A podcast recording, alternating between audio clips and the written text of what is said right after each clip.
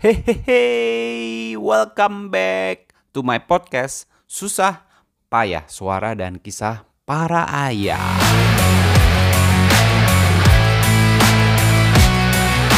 Nah, hari ini aku mau ngebahas tentang topik yang sebelumnya di episode 2, tapi ini adalah Negeri Tanpa Ayah part 2. Ya, wah, kenapa aku bahas lagi? Karena kemarin ada yang komen katanya kayaknya itu masih di permukaan banget. Jadi aku mau bahas lebih dalam tentang negeri tanpa ayah. Nah, seperti yang kita sudah tahu sebelumnya bahwa Indonesia mendapatkan peringkat ketiga sebagai uh, negeri tanpa ayah di mana banyak ketidakberfungsian ayah di kehidupan anak-anak uh, zaman sekarang. Nah, seru banget ya kayaknya ya kalau ngebahas tentang negeri tanpa ayah ini. Makanya ada banyak problematika anak-anak muda zaman sekarang itu disebabkan mostly itu karena memang mereka tidak dapat uh, direction dari para ayah. Nah, terutama nih, terutama aku mau ngebahas tentang uh, bagaimana peran ayah itu bisa sangat menentukan identitas seksual anak-anak. Mungkin tidak menentukan banget ya, tapi uh, memiliki peran untuk anak-anak itu menentukan identitas seksual ya. Kemarin uh, beberapa minggu lalu ya, aku tuh baru uh, lihat di TikTok tuh uh, ada sebuah uh, video yang menunjukkan katanya ada dua anak remaja, ada anak muda yang ditangkap, salah satunya anak remaja yang melakukan uh, hubungan sesama jenis dan itu tuh semacam video porno gitu ya dan akhirnya mereka ditangkap. Waduh, sedih banget kan ya. Nah, ini mungkin uh, ada ada hal yang kayaknya salah nih dalam kehidupan anak anak-anak muda zaman sekarang. Terutama ini aku lagi ngebahas tentang peran ayah dalam kehidupan um, dalam menentukan identitas seksual mereka.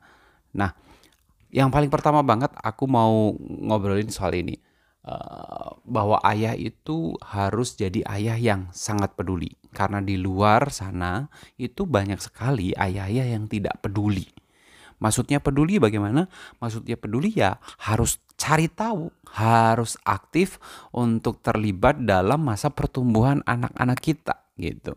Jangan nunggu anak-anak kita lapor, jangan nunggu anak-anak kita bertanya.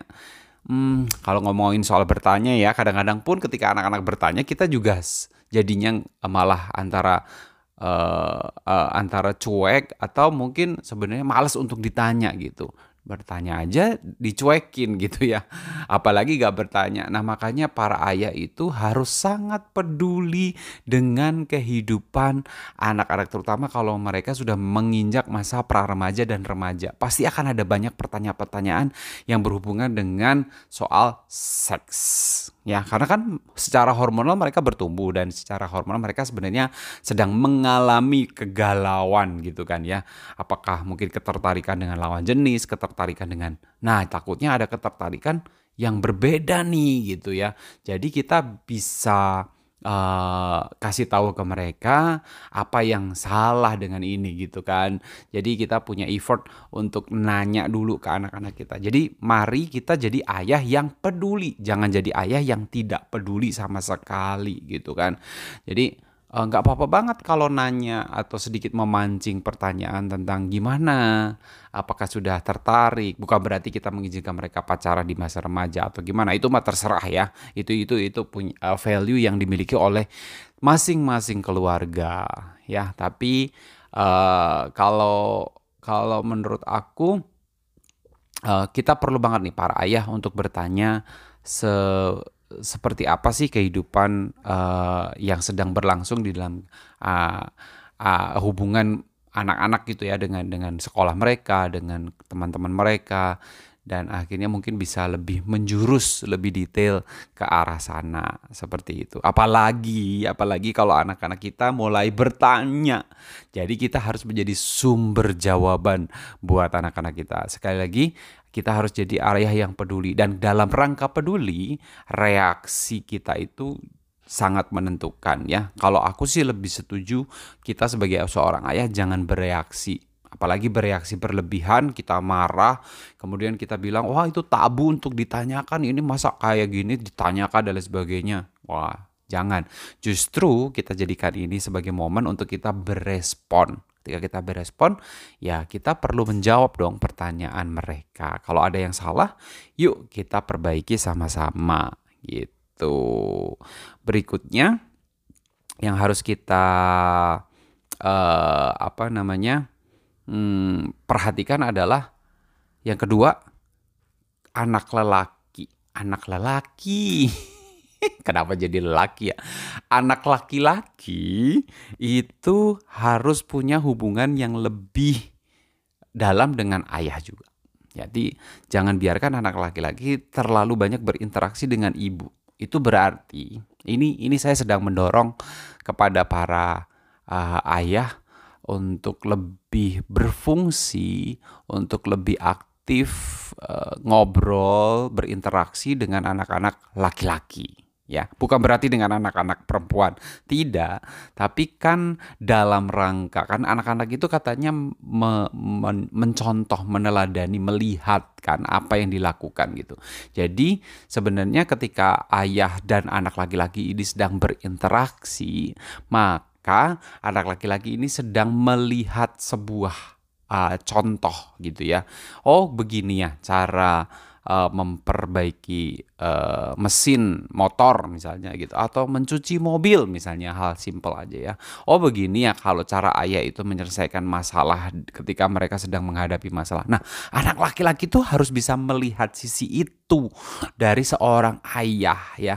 Karena kan kebanyakan para ayah nggak peduli nih sekarang ya. Mungkin pulang kerja sudah capek gitu ya pengennya me time ya mau nonton bola nonton film sampai akhirnya nggak punya interaksi. Dan akhirnya yang lebih banyak ngobrol dan lebih banyak memutuskan adalah para ibu. Nah itu fenomena itu ada ya. Maksudnya uh, ibu itu punya power untuk menentukan uh, sekolah anak sekolah di mana bersosialisasi dengan siapa. Nah kalau bisa saya mendorong para ayah untuk yuk lebih aktif melakukan itu. Jadi jangan biarkan anak laki-laki itu lebih banyak berinteraksi dengan ibu karena dalam rangka dalam rangka dalam rangka anak laki-laki harus melihat bagaimana uh, ayah mereka menyelesaikan segala sesuatu, bekerja, bahkan memutuskan segala sesuatu. Oke. Jadi itu penting banget. Aku mungkin sebenarnya kayak produk di mana ayah aku tuh papa aku itu uh, kayak su bukan sulit ya tapi kayak jarang banget memutuskan sesuatu gitu. Dan papa aku tuh jarang banget berinteraksi dengan aku dalam rangka memberikan value. Aku tuh pengen banget tuh waktu SMP ngebayanginnya gini ketika papa aku meninggal aku tuh ngerasa bahwa ya aku tuh masih butuh. Dan sebelum sebelumnya juga papa aku tuh kayak nggak pernah ngasih sih. Kebayang nggak aku ini jujur ya, ini jujur, ini cerita aku kan namanya juga suara dan kisah para ayah. Aku mau nge nge ngebahas tentang dulu aku itu karena bertumbuh di sebuah uh, keluarga yang mama aku tuh salon. Papa aku tuh kerja di luar uh, kayak punya trayek gitu ya, maksudnya kayak kayak punya beberapa angkot dan salah satunya dipegang sama papa aku gitu. Jadi jarang di rumah dan ketika di rumah aku banyak berinteraksi dengan mama dan di di mama itu kan salon ya, banyak kapster, banyak uh, bahkan ada beberapa yang uh, kapsternya tuh uh, laki-laki yang yang gemulai gitu. Nah, di situ aku belajar dan aku melihat bahkan ada momen ini bahaya banget ya. Ada momen di mana aku ngeliat make up mama aku tuh kayak tertarik pengen nyobain Kebayang nggak kalau misalnya akhirnya saya benar-benar bisa terjun ke sana dalam artian bukan berarti pria tidak boleh make up artis atau gimana ya. Tapi kayak aku tuh mulai mendeteksi atau mengidentitas uh, mulai melihat identitas tuh ada di dalam diri aku bahwa oh aku bisa dong ya kalau gitu make up. Aku tuh cantik. Waduh bahaya banget ya. Nah harusnya peran ayah itu ada di situ gitu. Jadi anak laki-laki itu harus lebih banyak berinteraksi dengan ayah. Nah, kalau kalau buat anak perempuan gimana? Ini yang ketiga ya, anak perempuan. Dan anak perempuan itu harus juga mendapatkan lebih banyak kasih sayang juga dari ayah gitu ya. Terutama mungkin aku kalau ngelihat ya, kenapa ya ada banyak fenomena yang kayak uh, anak-anak remaja putri yang open BO, open BO gitu kan. Nah, sebenarnya mungkin bukan butuh duit juga sih ya. Mungkin ada part butuh duit, tapi mungkin lebih banyak butuh kasih sayang kali ya. Didengerin, dipeluk gitu kan. Nah, makanya para ayah juga harus mengerti nih bahwa anak-anak remaja putrinya membutuhkan kasih sayang dari seorang ayah gitu. Jadi, uh, seorang ayah itu harus memberikan lebih banyak kasih sayang kepada anaknya yang perempuan. Berikutnya apa dong yang harus dilakukan? Yang uh, yang berikutnya yang harus kita lakukan sebagai seorang ayah adalah jangan terlalu membebaskan anak-anak untuk menggunakan gadget. Kita harus check and recheck. Ada part mungkin ketika mereka udah dewasa mereka akan uh, apa namanya mulai kita percaya dan kita nggak perlu worry gitu ya karena kita udah trust. Tapi di masa-masa mereka masih kecil, mereka masih remaja, ya kita harus terlalu kontrol apa yang terjadi dengan uh, gadget mereka gitu ya. Apa yang mereka lihat, apa yang mereka mainkan, apa yang mereka dengarkan, itu kita harus check and recheck. Jadi nggak benar-benar free. Ya, sekali lagi ada masanya mereka akan benar-benar kita kasih kepercayaan untuk mereka pegang gadget mereka tanpa kita harus uh, apa check and recheck karena mereka udah dewasa gitu ya. Jadi kita harus check and recheck uh, apa yang sedang mereka lihat, apa yang sedang mereka dengar, mereka mainkan itu. Aku termasuk salah satunya yang mungkin sebenarnya nggak setiap minggu ngecek dan bagaimana sih atau tiap hari apalagi ya. Tapi aku suka uh, lebih ngelihat kayak history dan uh, di di gadgetnya apa yang mereka apa yang dia tonton. Tapi ketika aku misalnya ketahuan nih anak aku nonton sesuatu yang kurang benar nah sekali lagi kita harus respon bukan react ya. Kalau react itu kita uh, fokus pada kesalahannya. Kalau respon gimana cara kita mem mem mengatasi atau cara kita mem memperbaiki kesalahan yang sudah terjadi gitu.